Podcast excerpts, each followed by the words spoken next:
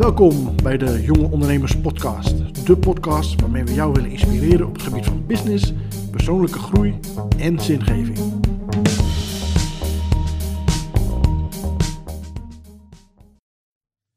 En we zijn begonnen. De Jonge Ondernemers Podcast vanuit de studio's van Diepzeekonijn hier in Groningen. Uh, vandaag aan tafel Jaap Wolters. Uh, ook aan tafel Jouke de Jong. En mijn naam is Arnold Kuipers van 1, 2, 3 Aftersales. Even misschien een kort voorstelrondje. Uh, Jouke de Jong. wat ja. doe jij precies? Hi, ik ben op dit moment de sidekick van Arnoud. Ehm, ik ben ondernemer. Ik heb een vertaalbureau en een online marketingbureau. En um, ja, dat is heel kort wie ik ben. Ja. En we hebben als, als hoofdgast Jaap Wolters van Hansenvast. Welkom in de, in de podcast. Dankjewel. Um, dit is een podcast voor jonge ondernemers. We willen graag inspirerende, motiverende verhalen. Nou, volgens mij bent u al een poosje bezig. Um, ja, hoe is het eigenlijk uh, begonnen, uh, uw, uw, onderneming, Hanselvast? Moet ik nog een korte af, aftrap geven over mezelf? Of ja, een groot ja, antwoord geven op de vraag? Nee, ga je gang. Oké, nou, ik ben, uh, ik ben Jaap Wolters. Ik ben één van de oprichters van Hanselvast. En ja. al jarenlang algemeen directeur. En om precies te zijn bestaan wij in december, 4 december, 25 jaar. Dus het is jubileumjaar. Ja. Uh, ja, en hoe begint zoiets? Het, het, het, hangt natuurlijk altijd van toeval samen.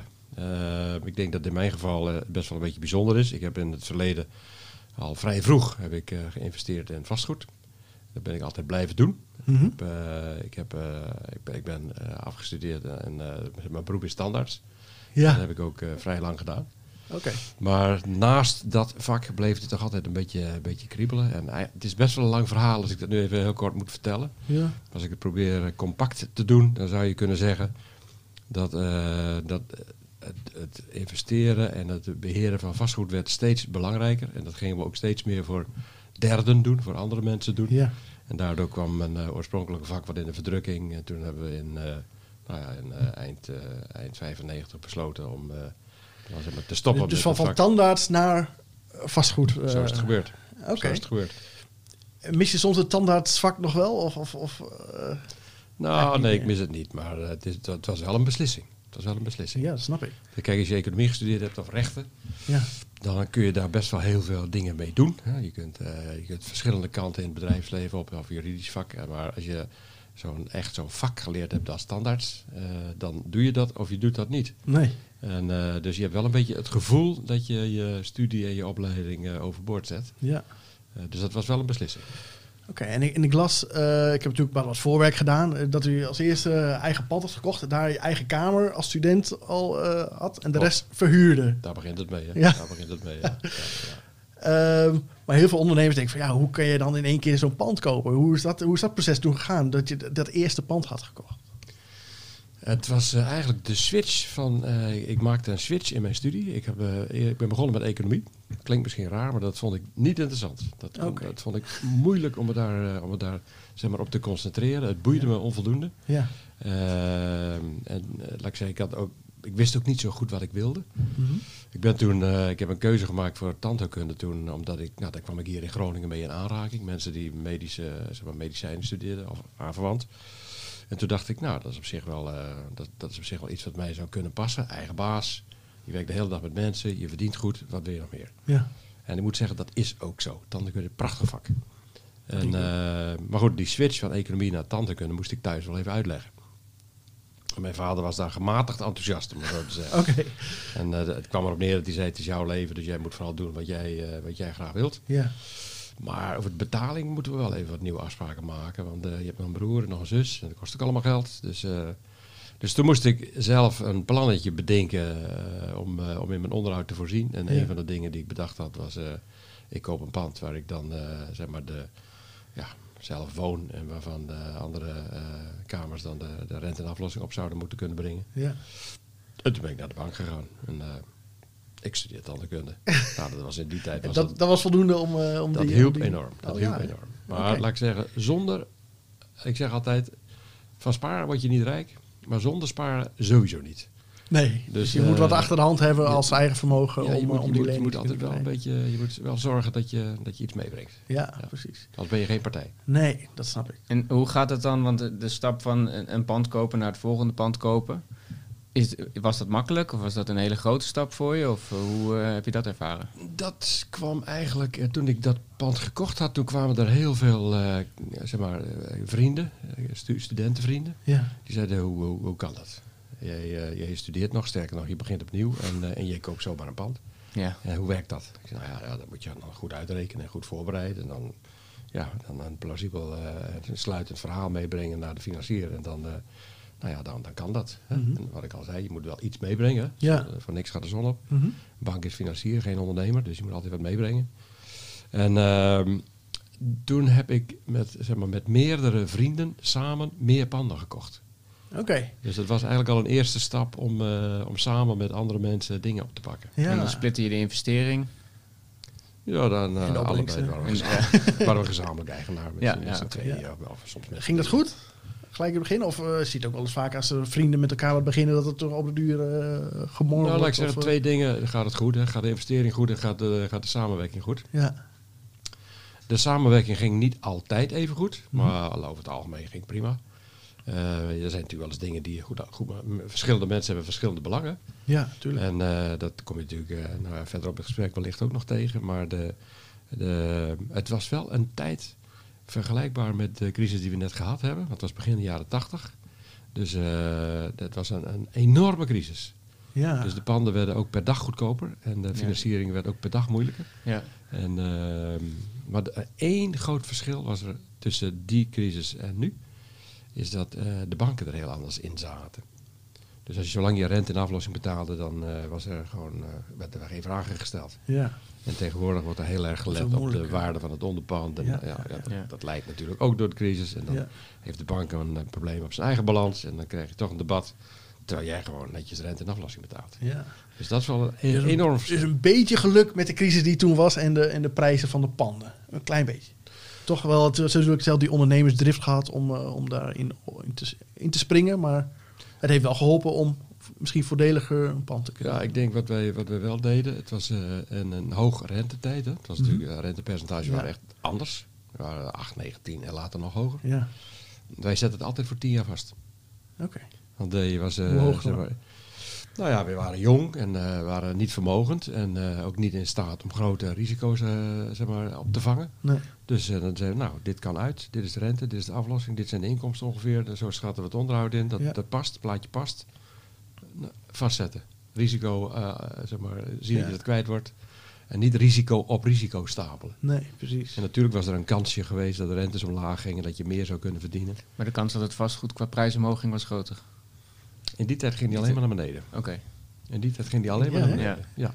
Oké. Ja. Had je Dus er we stress van, denk ik wel, als het maar weer ooit omhoog gaat? Geen tel over nagedacht. Nee, hè? Nee, zolang als je het niet verkoopt, maak je, Dan, maak je eh, is ook het geen, eh, vo- voel je het Nee. niet. Nee. Dus eh, wat, eh, wat je natuurlijk wel eh, zag, dat de huur gestaag eh, verhoogd werd, geïndexeerd werd. Of er werd eh, wat gerenoveerd en opgeknapt, waardoor er een sprongetje gemaakt werd in de huur. En, laat ik zeggen, dus het, het werken aan de exploitatie was voldoende om, eh, Ja. om het... eh, ja, Oké.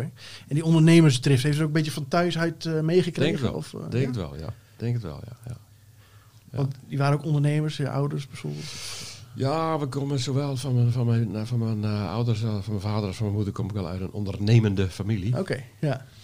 Dus ehm, ja, mijn overgrootvader die had een sigarenfabriek hier in Groningen. Oh ja? Die heeft mijn opa ook nog gehad. En eh, later we- werden die sigarenfabrieken allemaal opgedoekt en opgekocht. Ja. Dus, eh, de- dus dat was in dit geval ook zo. En toen is hij een aantal jaren later is die, eh, samen met een partner een aardewerkfabriek begonnen. En die heeft mijn vader ook nog gehad. En, dus die is nog overgegaan naar mijn vader. Die heeft dat bedrijf in 53 gesloten. Oké. Een beetje hetzelfde. Hè? Een Ja. grote, grote eh, concentratie. eh, dus alle kleinere bedrijven. Die, eh, hij had geloof ik nog eh, 15, 16 meisjes zitten die bloemetjes schilderden op de bordjes. In ieder geval, ik zeg het een beetje uh, Ja. maar, eh, Ja. voor de decoratie. En het was, dat, dat, dat was niet een eh, manier van werken die toen nog eh, te handhaven was. Dus eh, Nee, precies. zo ging dat. eh, dus laat ik zeggen, ja. Dus daar riep je als jonge Jaap ook al rond in die fabrieken? En Nee, nee, of, eh, 53 was ik er nog niet. Nee, dus, oh, toen- eh, nee, oké. Pas wel later. ja. Oké. En, en wat we er altijd bij gehad hebben is een café. Dus daar ben ik echt opgegroeid. In het café. Ja. Ja, want ik kwam ook iets tegen, misschien komen we er later nog op, over Boteringen Poort Hospitality. dat komt, uh, komt een beetje uit die hoek. Dat komt daaruit voort. Ja. ja. Misschien kun je korter daar eens wat over vertellen? nou ja, we hebben, we hebben een jaar of twintig geleden hebben wij dat pand gekocht. Aan, op de hoek van de Boteringenstraat bij de brug. Ja. Nou, dat is natuurlijk een geweldig, ik weet niet of je het pand kent, maar het is echt een geweldig pand met een enorme uitstraling. En, Oud politiebureau, toch? Of, uh... Dat is wel mooi geformuleerd, ja. Dat is, uh, dat is, de, dat is de 1633 wel mee begonnen. ja. ja. En, uh, en dat, uh, nou, dat hebben wij... dat is gewoon een mooi, mooi, monumentaal object. En daar hebben we ook veel tijd en energie in gestoken om, dat, om daar ook een mooi, iets moois van te maken. En, van Lieverlee hebben we liften ingebouwd, alle kamers gerenoveerd. het souterrain wat uitgediept, zodat je wat meer ruimte in het gebouw hebt voor, voor, voor gasten. En uh, we hebben dat pand weliswaar een paar jaar geleden verkocht. In, uh, in, uh, in een wat grotere portefeuille. Maar goed, de exploitatie hebben we een paar jaar geleden op ons genomen. Nou ja, daar zijn we wisselend tevreden mee nu. Hè. Dat is, dat is nu lastig, hè? ja. ja. Ja, lastige tijden. Maar goed, dat is ook ondernemen. Sommige dingen gaan dat hoort erbij, ja. En sommige dingen gaan helemaal niet goed. En dan moet je ook, dan moet je, zeg maar, ook acteren. Ja, welke acties heb je nu bijvoorbeeld ondernomen voor, voor die tak? bijvoorbeeld? Is er nu al uh, wat gesneden in misschien personeelsbestand of, of dat uh, met de huur wat gedaan nog wordt? Niet echt, nog niet echt. En uh, nee, dus ja, je krijgt natuurlijk ondersteuning van, van de overheid. Ja. En, we hebben in de eerste lockdown hebben wij, denk ik, zoals heel veel horecaondernemers, hebben we het hotel ook helemaal gesloten gehad. En, ja. en die, ze hebben die tijd gebruikt om om zaken netjes te maken. Dus de pakketvloeren geschuurd, en, uh, tafels netjes gemaakt, keuken, nieuwe apparatuur, de wafelskeuken verbouwd. Dus ook best wel ja, geïnvesteerd. Ja. Dus allemaal gedacht van, nou ja, laten we die tijd goed benutten. En veel geïnvesteerd. Nou, nu zijn we een half jaar verder. Nu kijken we daar natuurlijk toch wel een beetje kritisch op terug. Dat je denkt, zo, we hebben wel heel veel geld geïnvesteerd toen. Ja. En wanneer zou dat dan eens een keer terugkomen? terugkomen ja. Wanneer zou dat eens een keer terugkomen? Ja. Dus nou, dat is, uh, het, is nog, het is nog geen gelopen race met de... Nee. Ik heb ook geen idee hoe lang het duurt. Hè. Maar als ik naar voren kijk, dan, uh, nou, dan, dan, dan, komt er nog wel een, uh, een, een goed Duits, een doorstrekken. We zijn er nog niet. Nee, nee, nee. nee. Oké. Okay. En nu Hansevast. Daar, daar, daar bent u bekend van. Tenminste, daar kennen wij u voornamelijk van. um, kunt u kort uitleggen wat, wat u met Hansevast precies doet? Ja, wat wij doen is, wij zeggen altijd, we maken, we maken beleggen mogelijk voor, voor mensen. Mm -hmm. Je zou, uh, kijk, heel veel mensen beleggen tegenwoordig en dat op allerlei manieren. Ja. heel veel mensen zitten natuurlijk toch in, wel of niet geholpen door een bank of een vermogensadviseur in, in financiële waarden, in aandelen, obligaties, binnen buitenland. Mhm. Mm -hmm. Dat is een beetje de, de, de zeg maar de, het pakket. Ehm, nou ja, wij denken dat je er goed aan zou doen om ook wat andere producten in je portefeuille op te nemen. Wij noemen dat de, de asset-backed investments, Ja. echt de, de vaste waarde. Mhm. En dan heb je het bij ons over vastgoed en overschepen. En uh, die twee producten die, uh, die, uh, ja, die, zeg maar, die bieden wij aan. Mhm. Dus ons bedrijf is ook zo georganiseerd. We hebben een vastgoedbedrijf. Dus waar Ja. we inkoop, verkoop, beheer, incasso, ook de commercie. Er moet ook eh, contact met huurders en eventueel nieuwe huurders. Ook Ja. dat is een punt van aandacht. En datzelfde hebben we aan, eh, zeg maar op, op scheepvaartgebied. Dus we hebben een eigen rederij en, eh, met, eh, met gewoon crewing en techniek en chartering. Dus alles wat, wat ervoor nodig is om zo'n schip te runnen, dan, dat doen wij. En dat nu 25 jaar lang. Dat is ooit begonnen met, met één pand. eh, Dat is ooit begonnen met één pand. Ja. ja. Was dat hier in Groningen, dat eerste Ja. pand? Dat eerste pand wat wij toen destijds aan Duitse beleggers hebben aangeboden, Ja. Dat was het Tromphuis eh, achter de Oosterpoort. ja. Dat kantoor, dat was het eerste pand. En die, die kocht je dan aan, als het ware. En, en die bood je aan aan investeerders. Of, of, of, dus of wat- laat je ook eh, nou ja, dingen eh, bouwen. Misschien eventjes het verhaal wat ik net mee begonnen ben af Ja. te maken. Ehm, je zou er goed aan doen om zoiets eh, mee te nemen in je portefeuille. Mhm. Ik denk dat het nog steeds zo is. Ik- Er zijn natuurlijk bij hele slechte jaren geweest. Er zijn ook mensen die er geld mee verloren hebben. Dat kan Ja. kort over zijn. Dat Ja. is gewoon zo. Mhm. Dat het net, laat onverlet dat het nog steeds interessant is om wel een deel van je portefeuille zeg maar, In daarmee, daarmee eh, te vullen. Mhm. Ehm, nou ja, veel mensen hebben gewoon eh, niet het verstand van, eh, van de materie om dat te kunnen doen. Nee. Ze hebben ook niet de bedragen om, om zulke grote gebouwen te kunnen aanschaffen. Ze hebben ook niet, de, ook niet de, de tijd en ook niet de zin om dat beheer te regelen. Nee. Dus wat wij doen is, wij, wij schaffen zo'n gebouw aan en daar kunnen heel veel mensen in meedoen. Dus je, je koopt als het ware een participatie in zo'n in zo'n gebouw. Ja. En vaak zijn, het, uh, vaak zijn het portefeuilles waar meerdere gebouwen in zitten. Ook een beetje in het kader van de spreiding. Ja, en, dat, uh, en daar kun je dan niet meedoen. Oké. Okay. En dan ben je een bepaald percentage eigenaar bijvoorbeeld van het pand. En dan krijg je ook een bepaald percentage van de opbrengst van het pand. Het wordt wel een mooie reclamespot, hè? maar ik vertel het graag. ja, ja. Nou, ik ben wel benieuwd namelijk hoe dat proces gaat. En, uh... nou, je, bent, je bent gewoon, uh, in principe ben je mede-eigenaar van, uh, van het gebouw of de gebouwen of het schip. Ja. Of de schepen. En dan, dan is de exploitatie, is, zeg maar, de exploitatieoverschot is dan ook, zeg maar, pari passu is, is ook voor jou. Ja. Daar krijg je deel van uitgekeerd. En dan gok je natuurlijk, uh, of dan gok je, maar dan is de verwachting normaliter dat er ook wat vermogensgroei plaatsvindt. Mhm. En dan uh, na verloop van tijd, dan verkopen we die panden weer en dan komt het geld weer vrij. Dan kun je er weer over beschikken. En dan, uh, ja. Nou ja, dan, dan hopen we dat daar dan ook een goed resultaat uiteindelijk uit, uit rolt. Ja. En hoe zit het dan qua verdienmodel voor Hansen vast? Want is er dan een bepaalde marge of een bepaalde Ja. percentage Ja. wat je... Wij zijn zeg maar, een dienstverlenend bedrijf. Ja. Dus voor al die dingen die wij doen, eh, we krijgen een beheersvergoeding en we krijgen, een, eh, we krijgen ook een vergoeding voor het opzetten van de fondsen. En, eh, en nou, zeg maar, overal zit voor, voor ons zit ergens een, een, vergoeding in. Mhm. Nou, het is altijd, de, zeg maar, het meedoen is gebaseerd op een, een brochure, een prospectus. Mhm. Daar staat het allemaal in. Dus je kunt prima lezen wat, wat zeg maar de verdeling is. En wat wij daar aan verdienen. En Ja. wat wel of niet. En hoe. En nou, ja, dat, dus, dat, dat is onze, ons businessmodel. Ja, dat klopt. En ehm, nou ja, kijk, als je begint heb je een pandje, om het heel oneerbiedig te zeggen. En eh, daar heb je dan met vrienden. En nu heb je natuurlijk een hele verantwoordelijkheid.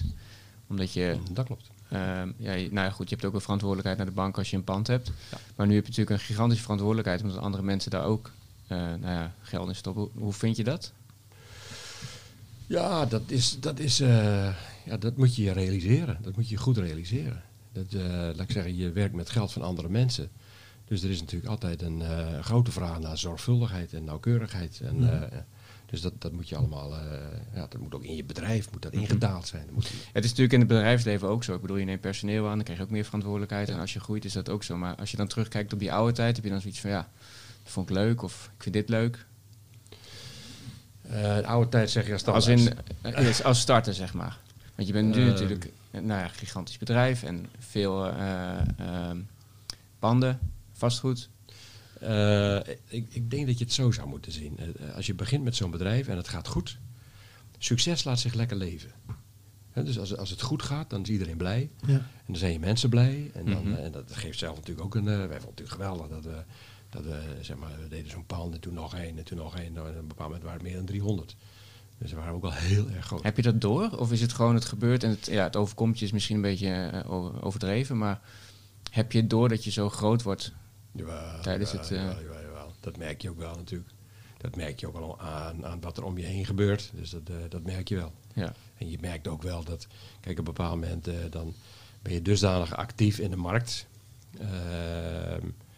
Eh, zeg maar, wij kochten in principe in, eh, in eh, heel Nederland en later ze hebben het werkgebied uitgebreid naar Noord-Duitsland.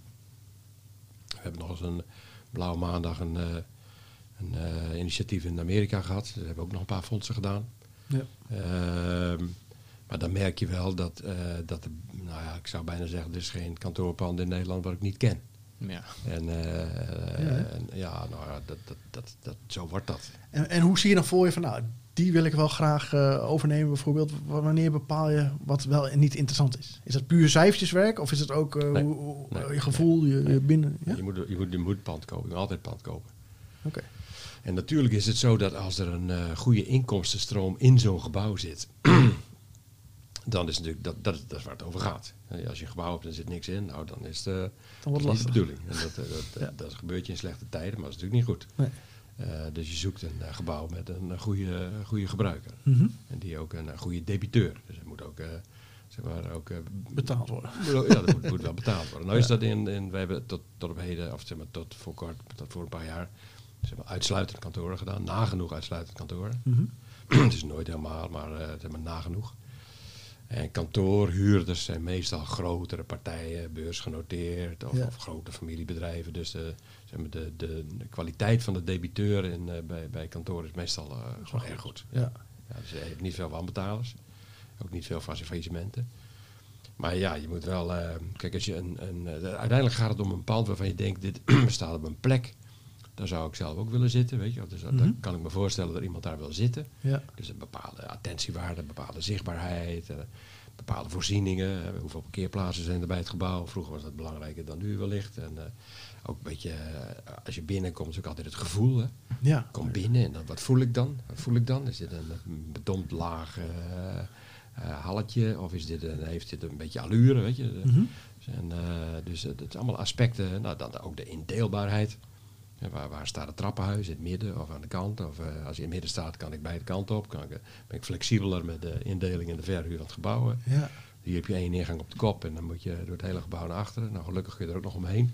Dus eh, daar, daarom is dit gebouw, zeg maar, voor het doel waar die voor dient, geschikt. Maar er zijn ook allerlei praktische overwegingen die je met zo'n met zo'n pand hebt. Ja. Er staan er pilaren in, staan er geen pilaren in. Ja, als het een beetje een ouderwets betonnen gebouw is met veel pilaren, dan is dat toch Lastig, hinderlijk voor, ja. eh, voor ja, zeg maar, als je een andere indeling wilt maken. Mhm. En je ziet ook daar altijd verschuivingen. Vroeger had je in kantoren altijd een zogenaamde cellenstructuur. Ja, allemaal kamertjes. Hokjes. Nu moet het allemaal tuinen zijn. Kantoortuin is het nu. En dan, ja, maar als je dan, eh, dan zeg maar iets anders zou willen, dan kom je ineens al die eh, be- betonnen palen tegen. Daar wordt niemand blij van. Nee, nee, er zijn er zijn heel veel overwegingen die je denkt, nou, dit is, eh, dit is wel een, een pand wat wij zouden kunnen kopen. Ja. Ja. Oké. We zitten op 20 minuten ongeveer. Dat betekent dat wij eh, een bepaalde sectie gaan doen. Dat heet Hot, Hot, Hot. Ja, eh, uit de pot, kaart uit de pot. Ja. Mag eh Jaap zelf Oh. voorlezen? We doen beide kanten. We weten eigenlijk niet wat erop staat. We Maar, een spelletje. ja. Wat staat er bij jou altijd op tafel met oud en nieuw? Nou, dat zijn zelfgebakken oliebollen. Oh ja? Ja. Zelf? Zelfgebakken Oh, oliebollen. heel goed. Ja. Ja, begin je dan 's morgens vroeg met bakken? Nee, eh, dat, eh, dat doe ik. Nou, ik heb al even aangetipt dat ik, eh, dat ik je zou kunnen zeggen dat ik twee carrières heb ik al even aangestipt, maar de derde is wel het, eh, het is wel de, de gastronomie. Ja, ja. Dus eh, ik, ik heb in mijn, eh, in mijn werkzame leven ook heel veel in keukens gewerkt. En eh, dus een oliebolletje bakken, dat is eh, een half uurtje werk. precies. Ervaren. Ja. Een speciaal uh, Volters recept met, met bier of... eh, Ik denk dat ik daar wat, eh wat, wat is wat eenvoudig. Dus, eh, het is wat eenvoudig. Ja. Oké. Ja. ja. Maar het is wel leuk. En ik vind het leuk om dat gewoon toch s'avonds even een appelflap en een, eh, Ja, een joh, lekker vers gemaakt. Maakt het toch altijd extra lekker, hè? Ja, Maar dan een koopmansmix of eh, helemaal, eh, Ik- helemaal eh, zelf? De koopmansmix is een mooie aftrap. Ja. Ja? Er staat nog wat op de achterkant. Ik ben benieuwd wat voor vraag dat is. Oké, heb je liever je grootste wens vervuld of je grootste vraag beantwoord? Zo. Dat is een mooi. Die gaat wel heel diep, filosofisch. Nou. Filosofisch. eh. Ik denk, ehm, ik denk die onderste, die grootste vraag beantwoord. Dan, dan eh, de grootste wens vervuld. Beneden heb ik niet veel wensen. En nu zeg je het ook altijd. eh, De, de, de, de bezit van de zaak eh, is, eh, nee, hoe zeg je dat? Einde van het vermaak. Dus eh, Oh, ja, ja. Dingen, dingen, ja, dingen krijgen of dingen, dat is eigenlijk minder belangrijk aspect. Ja. En eh, die grootste vraag beantwoord, dat is, eh, dat is boeiender. Ja, Wat zou dan een grote vraag zijn? ja, Ja. dat zou een grote vraag zijn. Wat is de zin van het leven? Ja, ja. Of, Nou ja, ik, kan er niet zo snel even een hele grote vraag Nee. bedenken waar ik nou dag en nacht mee bezig ben. Nee. Ja. Oké, leuk. Nou, we hebben nu gehad over, over panden, maar je doet ook schepen. ja, En eh, dat is eh, bij veel mensen misschien niet een logisch, logische koppeling. Tenminste, bij mij niet. Eh, ik ken wel veel mensen die, die in, in vastgoed investeren inderdaad. Maar ook in schepen. Hoe is dat ooit gekomen? Hoe- Ooit zag je de kans om ook in schepen te gaan waarschijnlijk. Maar Je zou kunnen zeggen dat datgene wat ik doe met Hansvast, dat dat eigenlijk via de scheepvaart gelopen is. oh ja? Ja, want ik heb al kort gezegd wat de achtergrond van mijn vaders familie was. Ja. Maar mijn moeders familie komt uit zo'n Groningen reders- en schippersfamilie. Oh, ja. En eh, ik heb mijn, eh mijn tandartsenberoep uitgeoefend in Hamburg. Oké. Dus daar heb ik een tijd gezeten. En toen Ja. ik daar zat, dacht ik, nou, misschien is het wel leuk om eens te kijken of ik ergens mee kan participeren in een schip. En ehm, dat was in die tijd helemaal niet. Ik heb het nu over, eh, zeg maar, mid jaren 80, eind jaren 80. Mhm. En dat was in die tijd helemaal niet zo eh, populair. Dus moest Nee. je best wel een beetje naar zoeken. Ja. Maar goed, via via kwam ik toch in contact met een partij eh, in Hamburg die, eh, die, die, zeg maar, die participaties aanbood. Mhm. En dat heb ik toen ook gedaan.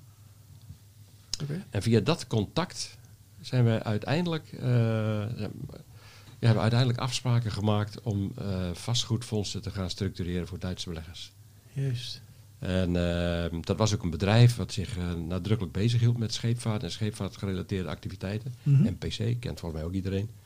In ieder geval van de basketbal. Ja, de En, eh, ja, eh, dus die, eh, eh, en, en nou, met dat bedrijf hebben wij samen zeg maar, een, eh, een initiatief genomen om die fondsen op te zetten. Mhm. Dat waren in eerste instantie vastgoedfondsen. En toen later zeiden ze, nou ja, het zou wel mooi zijn als wij die samenwerking zouden kunnen uitbreiden met eh, scheepsfondsen in, eh, in Nederland. Ja. Daar zijn wij in 1999 mee begonnen. En die zit ook nog wel een klein leerpuntje in, denk ik, voor jonge ondernemers. Ja. Want eh wij hebben toen in 99 een paar schepen geplaatst bij beleggers. In 2000 nog veel meer. Was ook, toen liep er een bepaalde fiscale regeling uit. Dus toen zag je de animo voor het product ook enorm groeien. Dus we hadden best wel wat, wat schepen in de markt gezet. 2001 zat ik aan tafel bij, zeg, bij al die jaarvergaderingen toen. Mhm. Om de jaarrekeningen goed te keuren. En eh, nou ja, om dat dan eh, zeg maar het jaar af te sluiten van al die, al die verschillende fondsen, Mhm. scheepsfondsen. Dat waren toen niet onze scheepsfondsen, maar zeg maar van contractreders, Ja. partijen. En toen merkte ik wel dat ik daar eigenlijk aan tafel zat om iets goed te keuren waar ik geen verstand van had. Oké. En ik dacht, die optelsom die heeft de accountant nagekeken, die zal wel kloppen. Maar als je dan Vertrouwen. door de cijfers heen zou willen kijken, Ja. Weet je hoeveel mensen horen daar aan boord? Horen daar 15 man of 18 man? En wat eten die dan per dag op? Weet je, is dat 20 Mhm. dollar of 24 dollar? Of, eh, om over smeerolie en dat soort posten maar te zwijgen. Ja. Dus als je daar geen gevoel bij hebt, ja, dan kun je iets goed waar je eigenlijk, eh, waar je, waar je eigenlijk eh, ja, waar je niks van weet. Ja. Dus hoe kun je dan iets goedkeuren? Dus dat heeft ertoe geleid dat, eh, dat ik eh, terugkomend van al die eh, overleggen en vergaderingen intern het gesprek gestart ben van jongens, leuk die scheepsfondsen. En het zouden we ook best wel willen blijven doen. Hè. Het is een mooi product. Een scheep is een mooi Ja. trots product. Mhm. Het is echt prachtig. Mensen vinden het ook mooi. Maar dat gaan wij alleen doorzetten als wij onze eigen nautische kennis op een veel hoger plan brengen. Oké. En dat we ook echt mensen aan boord hebben. Mooi scheep van uitdrukking. Hè? Mensen in het bedrijf hebben die, eh, die gewoon met verstand van zaken dat kunnen beoordelen. Dus Ja. hebben we in 2001 uiteindelijk, dus 2000 ben ik erbij begonnen. In 2001 hebben we toen eh Hans van Shipping opgericht. En hoe snel heb je zoiets dan opgetuigd? Nou ja, je, je, zoekt, eh, je zoekt natuurlijk, je, je, je maakt een plan wat je zou willen. Hè? En de eerlijkheid gebiedt me te zeggen dat wij in eerste instantie helemaal niet van plan waren om een, echt een eigen rederij op te pakken, op, te- op te zetten. Nee. Maar wij wilden gewoon wel een paar mensen in het bedrijf die, eh, die dat allemaal goed konden bewaken en goed konden begeleiden. En dan is de vraag natuurlijk al vrij snel dat je zegt, ja, eh, bewaken, be- begeleiden of, of zelfs beheren. Mhm. Als het niet goed gaat, moet er iets gebeuren. Ja. En wat ook wel een punt was, dat eh, zeg maar die, die vastgoedfondsen die waren in die zin vrij eenvoudig. Want je kocht zelf en dan was je eigen baas. En dan kon je ook zeg maar, zelf sturen en, en, eh, en beslissen en, en nou ja, maatregelen nemen die nodig waren. Mhm. En die eerste scheepsfondsen, dat deden wij allemaal met eh, zeg maar contractpartijen. En de invloed van ons daarop, die was, daar zat afstand tussen. Dus als wij vonden dat je misschien iets anders zou moeten gaan doen of zo, ja, dan liep dat toch niet helemaal eh, op die manier. Dus dat heeft ons er toen op een bepaald moment toe doen besluiten, laten we ook die schepen maar zelf oppakken. Dus dan lieten we zelf schepen bouwen. En eh, ja, van het een kwam het ander. Ja. Maar om een bepaalde beslissing te nemen, dan, dan eh, bijvoorbeeld ook al toen je in, in Hamburg zat en dat jij een bepaald idee had en toch op zoek ging naar iemand die jou daarbij kon helpen, zeg maar. ja. En als we dat even vertalen naar de jonge ondernemers nu. Hè, die, die, die, ehm, ja, je moet wel een bepaalde drive hebben om hulp te zoeken, bijvoorbeeld, of partijen te zoeken die bij jouw droom passen, bijvoorbeeld. Of, Ja, ik zeg altijd, eh, eh, ik zeg dan over mezelf, maar eh, ik, ik- ben niet een groot visionair. Nee. Maar ik ben, ik ben een man van kleine stapjes, ja, maar ik zet ze wel allemaal. Dus als, ik, als ik denk, dit is interessant, dit, dit zouden we wellicht moeten doen, kijken, kijken hoe dat werkt. Volgende stapje, volgende stapje, volgende stapje. ja, Maar het zijn altijd wel kleine stapjes. ja. Maar als je maar genoeg kleine stapjes zet, Kom je op heel dan ver. gaat, het toch wel, dan gaat het toch wel een kant op. Dus Af en toe gaat een stapje waarschijnlijk niet goed. Of, gaat, gaat tot nu toe alles goed? En als het klapje dan, stapje dan maar, zeg maar overzichtelijk blijft, dan, dan kun je daar nog een beetje corrigeren optreden. En als Ja. het allemaal hele grote, grote bewegingen zijn, dan, eh, dan wordt het gevaarlijk. Ja, precies. Dus hou het, hou het beheersbaar, hou het overzichtelijk. Ja, En eh, agile vind ik wel een mooie kreet die ik de laatste jaren veel meer hoor. ja, En daar word ik altijd wel een beetje blij, blij van. precies. Ja. Kleine stapjes. En we hebben natuurlijk we hebben hele boze tijden meegemaakt. Dus eh, toen, eh, zeg maar, acht, negen, nog veel meer. Toen stortte de wereld rondom ons natuurlijk in elkaar. Dus, eh, Heb je wel eens het gevoel gehad dat je een te grote stap hebt genomen? Je zegt van ja, ik maak altijd kleine stapjes, maar heb je wel eens zeg maar, dat principe overboord gegooid en echt een grote stap gemaakt? Ja, we hebben wel eens één, één eh, grote stap gemaakt die ook heel veel geld gekost heeft. En eh, die, die was ook, dat was ook niet de bedoeling om dat zo te doen, maar omstandigheden die, die bogen wat nou, op een manier eh, wat, wat allemaal niet, niet, zeg maar, niet zo verwacht was. En dat is ook wel een punt, hè. dan moet je als ondernemer zeggen van ik doe het niet. En En bij je eh, principe, aan je principes vasthouden eigenlijk. ja, ja, en wij hebben toen gezegd, nou alles overzien. Doe het dan toch maar. Laten we maar pakken dan. Ja. En toen ging dat in de crisis, zoals wij heel veel dingen, ging ook niet goed. Nee. Dat heeft ons toen heel veel geld gekost. Heel veel geld gekost. Maar goed, we zijn er nog. Gelukkig. We zijn er nog. Count your blessings. Ja, nou dan kan ik hier mooi een bruggetje op maken. Want eh vorige gast was Sieger Dijkstra, eh, voorzitter van eh, VNO-NCW Ja. Noord. Bekend. En die heeft een vraag gesteld aan u. En dit ging als... ehm, waar zie jij in jouw werk kansen met betrekking tot de huidige coronacrisis? En wat ga je ermee doen? Ja, dat is, dat is inderdaad een mooie vraag. Ja, is... eerlijk gezegd... ehm, ja, het zijn niet kansen die specifiek met die coronacrisis te maken hebben. Is natuurlijk altijd, je, je, je overziet de markt zoals die op dit moment is. En die coronacrisis, eh, laat ik zeggen, die is er nu en ik hoop dat die ook weer snel voorbij is. ja, En ehm, dus het is, het is niet zo dat wij ons bedrijf nu echt anders gaan bewegen, omdat die crisis er nu toevallig is. Wij, wij, zitten, wij zaten heel veel in kantoren. We zijn sinds drie jaar veel actiever in de, woning, eh, in de woningbouwmarkt. Nou ja, daar, is, eh, daar zien wij voorlopig nog eh, kansen voldoende. Ja, zeker. En dus dat is ook iets wat we, wat we vervolgen en, en uit, uitbouwen. Ja, Ehm, als ik naar, naar het hotel kijk, ja, dat, ach, daar zijn wel initiatiefjes, maar daar- zijn we niet. niet je, je, er zijn initiatieven dat je de kamers verhuurt om, om, eh, als, als studiewerkplek. En, eh, ja, ja, ja, ja. Dat hebben we nog niet uitgerold. Bedoel, Daar praten we over en daar, daar hebben we het over. Maar Ja. het is meer dat wij, ehm, ja, weet je, op dit moment hebben, zijn alle restaurants zijn gesloten. Dus als je een hotelgast ontvangt, ja, dan, dan moet je hem eigenlijk ook wel verzorgen. Ja. Omge- omgekeerd, geredeneerd. Hij moet eigenlijk wel ook maaltijden bij jou Ja, af, ja, ja. afnemen. Dus dat zijn dan... eh, Dat is geluk zijn dat het de- een hotel erbij is natuurlijk. dat zijn de kleine Ja. kansen hè, die, eh, die, die dan benut worden. Maar ik denk niet dat wij als bedrijf echt door de, door de coronacrisis eh, totaal... ja, mi- misschien, misschien toch een beetje. Er, er komt wel iets. er- ik had het net even over cellenstructuur en, en kantoortuinen. Ja, We hebben natuurlijk een enorme beweging meegemaakt in de kantoorwereld. Dat alle wandjes verdwenen. En dat, er grote ruimtes gemaakt werden met gezellige tafels waar iedereen dicht bij elkaar zat, dus elkaar zat te beïnvloeden en te bevruchten. En, eh, Ja. en, te- eh, en je ziet nu toch dat, eh, dat veel bedrijven zeggen, ja, ik heb gewoon meer ruimte nodig, omdat de mensen verder uit elkaar moeten zitten. Er is behoefte aan meer aparte, aparte kantoren waar mensen ook, zeg maar, eh, eh, ja, gewoon veiliger tussen aanhalingstekens, maar comfortabeler kunnen werken. Dus eh, wij zien daar, wij zien dat, eh, wij zien dat als een plus. Ja Er daar zie staat tegenover kansen. dat er meer, eh, meer thuisgewerkt eh, blijft worden. Dat denken wij wel. Dat, denken denken wij wel. Ja, ik, ik Ja. hoorde gisteren dat de Rabobank volgens mij driekwart van hun kantoorpanden of, of kantoren gaat opzeggen. Ja, maar Zie je dat dan ook als iets... eh, Ja, ik- maar ik denk dat de Rabobank daar ook een beetje laat mee is.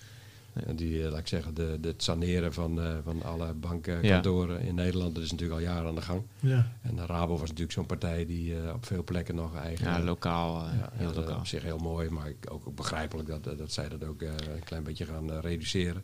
Dus ik denk dat dat niet specifiek een coronabeweging is. Dat is meer de, de bankaire, gewoon de branche, de, de ban- Mhm. bankenbranche. ja, die moet zich aanpassen aan de nieuwe tijd. En, maar dat speelt al jaren. Heeft ook, ook niet per se met corona te maken. Nee. Nee. Nou, ik denk dat corona is, eh, het is er. Het zal ook op een of andere manier misschien best wel een beetje blijven. Alhoewel ik er ook van overtuigd ben dat we daar eh, op een manier mee leren om te gaan. De behandelmethoden worden beter. Misschien, misschien gaat het goed met, eh met eh inenten. De tijd zal het leren. Ja, precies. Maar dat, dat we daar toch op een of andere manier een, een, ja, Goed omheen kunnen werken en, eh, en daar toch... ben ik van overtuigd. Ja. Dus dat gaat, na, na, na- of het nou een paar maanden duurt of, of nog een jaar duurt, maar daar vinden we iets op. Ja.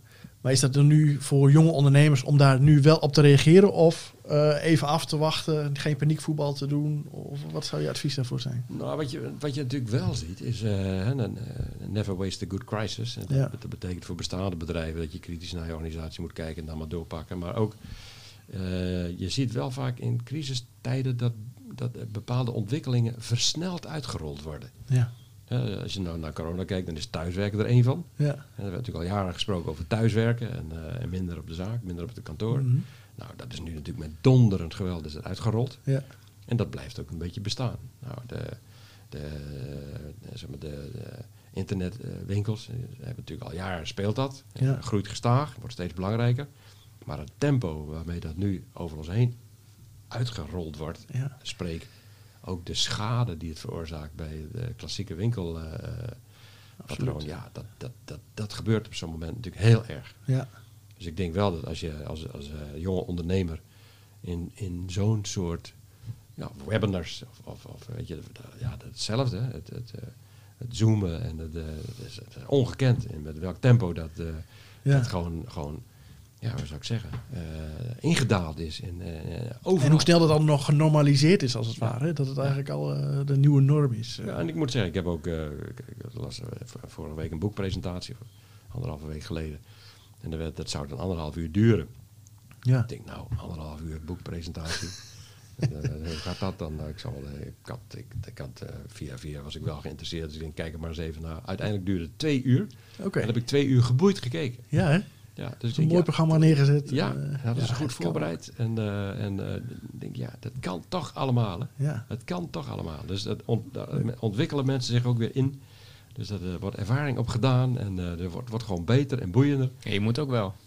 Je moet ook wel. Dus het kan niet anders. En dat gebeurt in tijden van crisis. Ja. Zeg maar, heb je kans om, eh, om eh, gewoon, gewoon nieuwe dingen versneld eh, te etableren. En hoe doen jullie het zelf op kantoor? Zit, jullie, zit iedereen thuis? Of, Nou, de, de eerste lockdown was een beetje half-half. En toen heb ik gezegd, nou goed, eh, iedereen die thuis wil werken, die is, die is daartoe eh, uitgenodigd. Hè. Maar als mensen het nou per se niet willen, of hoe dan ook maar, dan, eh, ja, dan kun je ook op een zaak werken. Dus er was toch niet een heel eenduidige aan, aanwijzing. Dat is nu wel zo. Dus we hebben de, de woorden van onze premier-minister toch te harte genomen. Mhm. Hij zegt in principe thuis. Mhm. Eh, maar d- er zijn wel, nou, ik ben zelf nog regelmatig op een zaak, dus in die zin geef ik niet het goede voorbeeld. maar er zijn altijd nog één, twee, drie mensen die dan eh, ja, wisselend toch nog, nog met elkaar of, of apart even, even aanwezig zijn. Maar het grootste gedeelte is gewoon weg. Eh, thuis, ja. Oké. Wat is het eh, beste advies wat je ooit gekregen hebt in je leven over het ondernemen? Het wat je altijd bijgeleefd. Van iemand heeft dat ooit gezegd en het is altijd bijgebleven. Van, nou dat is een goede tip. Ja, er zijn natuurlijk, je krijgt heel veel tips. Ik, ik zou bijna zeggen, dat is een valkuil voor jonge ondernemers. Oké. dat iedereen jou altijd tips geeft. En eh, ik heb, ik heb, weet je, ons bedrijf is gegroeid, eh één man, twee man, drie man. En op duur had ik eh 275 man. Ja. Dus nou, dan kan ik je wel vertellen, dan gebeurt er wel wat. Ja. En er zijn er veel momenten dat je moet nadenken.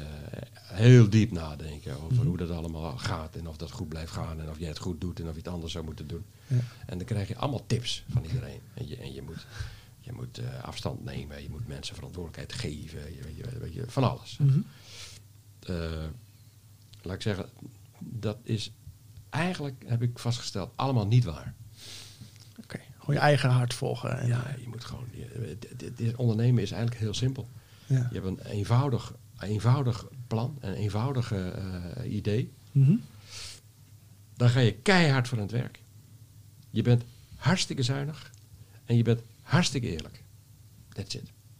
Kijk, dit zijn belangrijke tips eh, voor je ondernemers. Ja. en, meer is er niet. Meer En- is er niet. ja, maar ook denk ik eh, een en- simpel product hebben hè, die je makkelijk kan uitleggen. Ja. Maar ook een bepaalde doelgroep kiezen, denk ik. Of, of wil je de hele wereld helpen met jouw product? Of, heb, je, heb je daar een idee over? Ik, ik- dat is een beetje wat ik net zei, van die kleine stapjes. Dat Ja. klinkt wel heel mooi. Ik kies die doelgroep. En eh, ik heb voor mij, ik heb eens een keer een verhaal gelezen dat. toen ging er ook Philips, die had een of andere chip bedacht waarmee ze dan een parkeersysteem wilden ontwikkelen. Ik heb het nu over 30 al jaar geleden, Mhm. 35 jaar geleden. Dat werd een groot fiasco en uiteindelijk zijn die chips beland in die gele labels van die koeien, geloof ik. Die, die waar ze dan melk, melk eh, eh, robots mee aanstuurden. Mhm. Maar in ieder geval, je begint, je begint met een plan die kant op. Ja, En ergens blijkt dat dat toch niet helemaal goed past. En dan is er iets eh, anders wat een beetje mee annex is. En, Ja. eh, dus, en ik denk dat dat in het bedrijfsleven ook wel zo is. ja. Dus wij, eh, Maar je hebt op een gegeven moment natuurlijk, want je begint met, eh, met, met, eh, met, die, met die panden. En dan op een gegeven moment heb je wel de keuze gemaakt om specifiek kantoorpanden te doen. Ja, dat was, eh, dat was, dat was, daar hebben we natuurlijk over nagedacht. Ja. En eh, dat kan ik ook eh, wel goed. goed eh, Maar is dat ook geleidelijk gegaan? Of was dat ook in één keer van het een op de andere dag? Van oké, nee, we dat zien was dat. de start. Weet je, waar Ja. gaan we dan in starten? Wat Ja. is interessant voor mensen en waarom? En, eh, en dat waren, volgens ons waren dat dan eh, kantoren. Mhm. En eh, dat, dat hebben we toen ook gedaan. En in wezen is dat ook wel een beetje, je moet je ook wel een beetje beperken. Je, je moet niet altijd alles willen. Nee. Dus je zegt, ik, ik kan alles wel. En eh, ja, nou ja, nou, doe je best. En, eh, wel, misschien is dat wel zo. Ja, Misschien is dat wel zo, maar eh, ja. Oké. En een van de pijlers bijvoorbeeld ook van de Jonge Ondernemers podcast is eh, persoonlijke groei. Dus, dus constant bijleren en dergelijke. In hoeverre speelt dat een rol in eh, je leven? Ja, ik denk dat dat heel erg zo is. Ja. Maar kijk, je, je groeit natuurlijk ook door de dingen die je doet. Hè, eh, de eerste keer dan sta je voor een groep mensen en dan moet je wat uitleggen. En dan, eh, nou, dan, eh, Knikken de kritisch. Ja, dan eh, denk je, nou, dat, eh, maar na een aantal keren dan, eh, dan, dan beheers je de materie dusdanig dat er geen vraag meer kan komen die je niet kunt beantwoorden. Ja. Dat geeft al een beetje eh, zelfvertrouwen. Eh, je, je, je leert omgaan met de techniek die erbij hoort. En dus mm, je groeit erin. En Ja. ik, ik heb natuurlijk in mijn leven ook ook andere dingetjes gedaan, ook bestuursfuncties gedaan. Eh, Nou ja, dan zie je dus ook, dan kom je ergens bij een vereniging of een organisatie en dan, dan heb je dan natuurlijk toch in dingen geleerd die je daar dan in de praktijk brengt. Je, Ja. jongens, daar moeten we even op letten, rooster van aftreden, dit, dit, dit, dit, hebben we dat goed geregeld. Precies. En, eh, dat, eh, dat- dus als je, als je ondernemer bent, dan je groeit, man wächst in zijn aufgaben. hè? Ja. En hoe belangrijk is dat netwerken eh, voor je? Of voor ondernemers als het ware? Is dat, eh, je zit, zegt dat je in verschillende clubjes hebt eh, gezeten en in bestuur hebt Ja, gezeten. clubjes. Ik bedoel eigenlijk dat ik, ik bedoelde eigenlijk dat ik als bestuurslid in allerlei verenigingen en organisaties wel dingen heb gedaan. Ja, En daar leer je natuurlijk steeds van. Ja, Daar leer- overal leer je wat van. ja, En dat neem je weer mee naar, naar de volgende, de volgende klus. En daarnaast heb je natuurlijk de, de, de ondernemersvereniging. Dat is wat jij bedoelt. En de clubjes. bijvoorbeeld. Ja, Clubjes, ja. heb je daar ook veel eh, in bezig geweest? Ja, bij Dona ben je actief bijvoorbeeld. Ja, nou ja, ik ben, ik ben, eh, ik ben lid van de Rotary. En eh, ik ben lid van de Vereniging van Handelaars. Een mooie ondernemersvereniging hier in Groningen. Ja, En, eh, en dat is zeker de moeite waard. Dat is zeker de moeite waard. Ja. Dus dan spreek je gewoon mensen zonder dat ze iets van jou willen of iets, iets, iets van je moeten. En dan kun je gewoon zo aan tafel dus, ja, rustig dingen eens eventjes aftasten. Daar Ja. leer je van. ja. Dat is leuk. Eh, Hoe belangrijk is je netwerk binnen je vakgebied? Want in het vastgoed is dat... Hoe belangrijk is dat? en het vastgoed moet je altijd een beetje voorzichtig zijn met je netwerk. hè. Ja. Ja, Nou, dan krijg je de holleders eh, aan de deur. Ja, dat is uh, natuurlijk. ik ben, alleen ben je niks. nee. Alleen ben je niks in deze wereld. Dus eh, je moet het toch altijd hebben van de, van de mensen om je heen. Je hebt mensen no- nodig aan, wie- aan wie je zeg maar, eh, het product kunt verkopen. Maar goed, je hebt natuurlijk heel veel mensen nodig. eh. Maar aanbod is natuurlijk ook wel een, eh, belangrijk. Want je moet wel weten dat iets te koop is. En je Ja. moet ook... met, dat noem je tegenwoordig met een mooi woord de deal flow. Dus je, je moet wel voldoende aanbod eh, langs aangeboden krijgen. Maar doe je dat met je netwerk of heb je daar andere kanalen of manieren voor? Nou ja, dat is, dat is in principe je, je netwerk natuurlijk. De, de, de professionele makelaardij is, is dan onderdeel van jouw netwerk. En die moeten jou kennen en die moeten weten wat je zoekt. En die, moet, en die moeten ook denken, nou, als we met Hans was een zaak doen, dan verkopen we een pand. En de kans is vrij groot dat we het nog betaald krijgen ook. Hè. En dat is bij het vastgoed ook niet altijd zo. En, eh, dus laat ik zeggen, er zijn, eh, mensen moeten wel, moet, je moet, moet elkaar wel kennen. Dat helpt enorm. Ja. ja. Dus dat heb je nodig. Dat, dat geldt voor iedereen. Ja. Dus, eh, Maar heb je ook veel concurrentie dan bijvoorbeeld? Of zit je echt in zo'n niche dat, dat er maar een handjevol spelers zijn? nou, toen wij begonnen waren we een van de weinigen. Ja, En eh, toen zag je toch in de, in de, zeg maar, de negentiger jaren en nog iets later... eh, dat, eh, nou ja, op een bepaald moment dat ieder dorp zijn, eh, ieder zichzelf respecteert. Een dorp had zijn eigen emissiehuis. ja, dus dat, dat, dat ontstond eh, wat mij betreft best wel een behoorlijke wildgroei. Maar goed, nu zijn we weer een van de weinigen. Dus nee, echt, echt heel veel concurrentie is er niet meer. nee. Dat heeft ook wat te maken met eisen die eraan gesteld worden. Dus eh, zeg maar ook de, de AFM en de Nederlandse Bank, die hebben natuurlijk, eh, über- überhaupt zijn die eisen allemaal wat aangescherpt. Ja, Nou, wij, wij zijn een eh, gereguleerd bedrijf, dus wij, eh, wij staan onder toezicht. En dat, eh, dat, Dat, komt door het beleggen, denk ik. Ja, Ja. ja. Dat is een activiteit die staat Ja. onder toezicht. Hè. Dus nou, daar geldt ook allerlei voorschriften bij. En dat, eh, nou, dat moet je ook eerst maar eens bereiken. Hè. Ja. Ja. En er zijn niet veel bedrijven meer die dat, eh, die, die stap eh, die dat volgehouden hebben, laat ik het zo zeggen. Maar Ja. is het dan zo moeilijk om dat voor elkaar te krijgen? Of is het... eh, Dat is wel een trajectje. Ja. Dat is wel een trajectje, ja. ja. Dat is wel een trajectje. Nou, wij hebben die vergunning al jaren, al sinds zeg maar 98, 99. Dus in die zin eh, is het voor ons gewoon het, het op peil houden. Maar het vergt, eh, het vergt extra inzet van mensen, het vergt extra inzet van geld, het vergt... eh, de, de- het is natuurlijk ook een, een dure organisatie. Dus Mhm. eh, ja, en daar zijn er niet zoveel meer van. nee. Nee. Als we het hebben over zingeving. Van, ehm, waarom doet u het werk wat u, wat u doet? Wa- wa- hoe krijgt u de voldoening eh, daaruit? Ja, ik, ik denk dat... eh, ik dacht wel dat er zo'n vraag zou komen, iets in, eh, in die richting. Ja, En, eh, weet je, ik, ik, denk dat, ik denk dat veel ondernemers in de basis zijn dat positieve mensen. Dat Ja. zijn optimisten. Ja. Als je niet overal kansen. Nou, dat zijn mensen die, die, die, die, die hebben zin in het leven, die willen wat bereiken, die willen wat meemaken. Ja. En die willen interessante mensen ontmoeten en die, eh, misschien willen ze ook wel veel geld verdienen. Mhm. Maar uiteindelijk is dat laatste punt het minst belangrijke. Dat telt helemaal niet. Oké. Dus eh, ik denk dat alle ondernemers dat ook wel min of meer zo zullen gaan eh, omschrijven. Het is veel leuker als je, zeg maar, toen wij het eerste pand gekocht hadden en dan ook dat fonds succesvol afgewikkeld hadden, dat gaf een enorme kick. Ja. Dat gaf een enorme kick. En, we- en hoeveel we daar nou mee verdiend hadden, nou, ik zou het niet meer kunnen zeggen. Dat is ook totaal onbelangrijk. Nee, ja. En dan doe je nog eens een keer zo'n zaak, en doe je nog eens een keer zo'n zaak, en dan, nou, nou, en dan doe je een grotere zaak. Nou, dan heb je diezelfde, heb je diezelfde, weet je. Ja. En, dat, en dat, dat blijft een beetje. Dus eh, zeg maar, de lol om, eh, om eh, mooie zaken te doen en interessante mensen te ontmoeten en mooi bedrijf op te bouwen. ja. Dat, Dat, is, dat is veel belangrijker dan, dan dat je ergens een zak met geld hebt waar, waar je elke we- elke week weer iets bij in kunt gooien. Ja. En dan, dat, dat is het niet, weet je. dat Dat, is het. niet. Nee. Nee, dat is het echt niet. Nee. zijn we bijna aan het einde gekomen. We hebben nog, nog twee dingen. Ik wil graag nog een vraag van je weten voor de volgende gast. Eh, Heb je daar een idee over van wat voor inspirerende vraag zou je kunnen stellen aan een, een volgende gast? Tja, ik heb ik hoop gepraat en niet zozeer nagedacht over de vraag, maar... Stel, nou je bent nu een jonge ondernemer die, die aan het begin staat van, eh, van zijn carrière misschien. Of misschien al vijf jaar bezig is met zijn bedrijf en Ja. een stap wil maken. Ja, ja.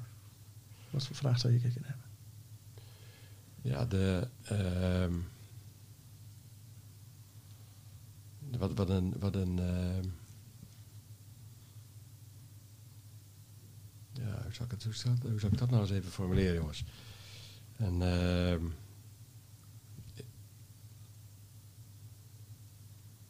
kijk, een jonge ondernemer die moet natuurlijk wel een beetje.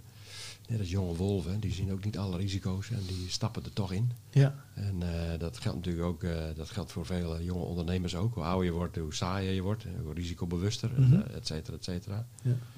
Ehm, maar toch is, is het op orde houden van risico's is, is wel een mooi deel van, van het ondernemen.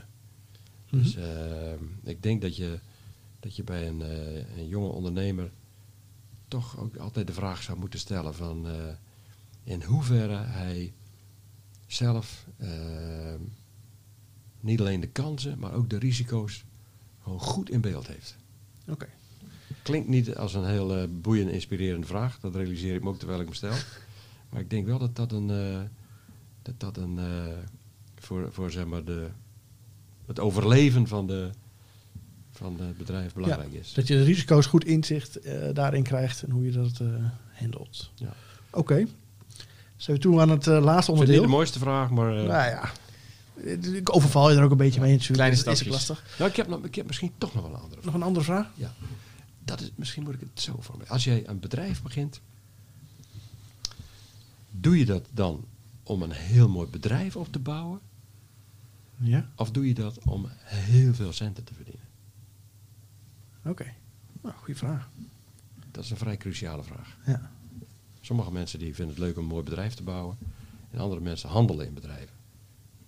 Het zijn twee verschillende types. Ja, precies. Die hebben er geen hart bij, maar die willen daar puur eh, dat monetizen. Oké. Dan gaan we nog een spelletje doen. De- aan het einde doen we altijd even een triviant. Eh krijg je zes vragen. Dat zijn de meest vage vragen. dus we laten het altijd verrassen. Dus als je eh, Dat is, getal, eh, We hebben hier, daar ben ik voor. ja, getal tussen de 1 en, spelletjes. 1 en 10. Noem eens getal tussen 1 en 10. eh, ja. Zeven. 1, 2, 3, 4, 5, 6, 7. Nou, dit gaat ook op tijd. De vorige Sigrid Dijkstra die had eh, twee van de zes goed. Oh, oh, het is ook nog een wedstrijd. Ook nog. Dus we gaan er proberen een ranglijst. eh, Ik weet of ik hier goed in ben, maar we gaan het Eh, meemaken. nee, nee, we zijn echt. Het is helemaal niet erg als je het niet weet hoor. Dus, eh, Maar mooi dat je dat dan even bij zegt, dat niet erg is. yes. Wacht even hoor. Ik eh, moet even deze. Dit is een hele rare vraag, maar Ja. goed. Ik lees hem gewoon voor. Turf NTT en vroeger heette het Triente. Hoe heet het nu? Turf Entity? Turf NTT en vroeger heette het Triente. Hoe heet het nu? Weet ik. Ik weet hem. Drenthe. Trente, ja. Drenthe. Oh, Nou. Turf Entity. Oh, Drenthe. Ach, dat zijn die. Ja, nou Ja, ik ook een beetje hoe de vraag in elkaar Ja, zit. het het zijn hele rare ik dacht, vragen. ik dacht Ja. Triant, Triant, nee, ik weet niet wel hoe het bedrijf nu heet. Nou, volgende vraag. Biedt de Tilburgse Rock Academie, Rap Universiteit of Swingschool een HBO-opleiding voor popmuziek? Ik denk nee. De Rock Academie. Ik snap echt werkelijk waar niks van deze vragen. Sorry, vragen. maar dit zijn echt. eh, dat is echt hele rare de- vragen. Maar ga gewoon door. Oké, volgende vraag. eh. Het gaat goed. ja, nee, we zijn helemaal op schema. Werd in 1892 de trapladder, de roltrap of de troonladder uitgevonden? 1892. 1892. Ik- Trapladder, roltrap of de Ik troonladder? denk de roltrap. Correct. Nou. Wat is de Moorse toeristentopper van Spanje? Het Alcatraz, het Alhambra of het Armageddon? Alcatraz. Al, al, die tweede? Al Alcatraz, Alhambra of het Armageddon? Ik tip die tweede. Nee, helemaal correct. Granada. Granada, ja. Ja. Oké, wat komt na koolmonoxide waarvan Bush junior de uitstoot niet wil terugdringen? Wat komt na koolmonoxide? Kooldioxide.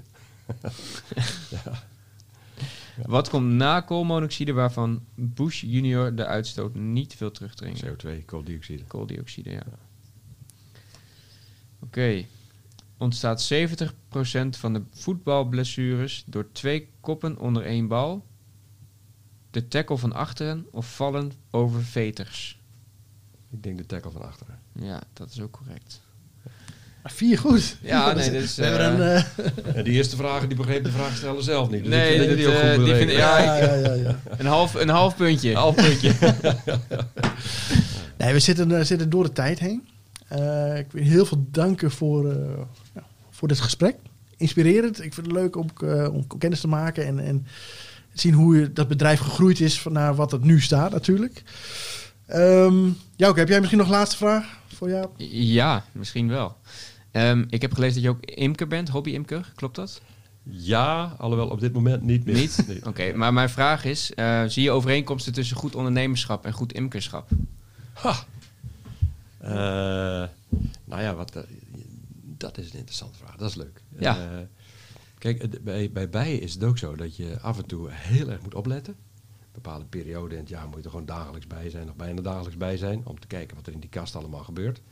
En er zijn ook tijden dat je het even op zijn beloop kunt laten. Dan gebeurt er niet zoveel en dan, eh, dus dan kun je zelf ook even afstand nemen, kijken hoe het zich ontwikkelt en hoe het gaat. Ik denk dat het bij veel bedrijven ook zo is. Af en toe moet je bovenop zitten.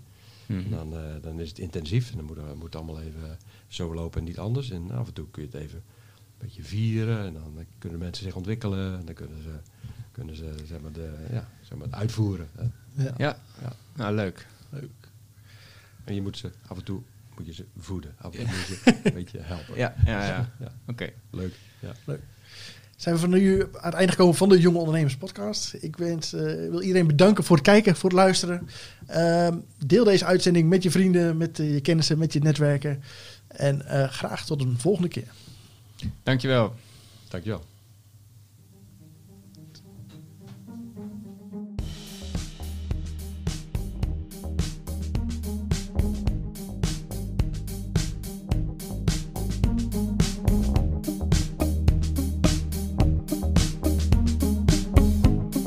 Super tof dat je hebt geluisterd naar de Jonge Ondernemers podcast. Ik hoop dat je het waardevol vond en dat je er inzicht uit kunt halen. Voor jezelf en voor je eigen business. Als je het waardevol vond, zou ik het erg waarderen als je dit zou willen delen met je vrienden. Bijvoorbeeld op social media. En vergeet ons dan niet te taggen in je bericht. Wat we nog meer zouden waarderen is als je een review zou willen achterlaten. Werk je met de iPhone, dan zou je dit kunnen via je eigen podcast app. En ons daar een review te geven, geef een x aantal sterren en daarbij een korte motivatie. Dit zou ons echt enorm helpen. Vergeet je niet te abonneren. Dan zien we je graag bij de volgende Jonge Ondernemers podcast.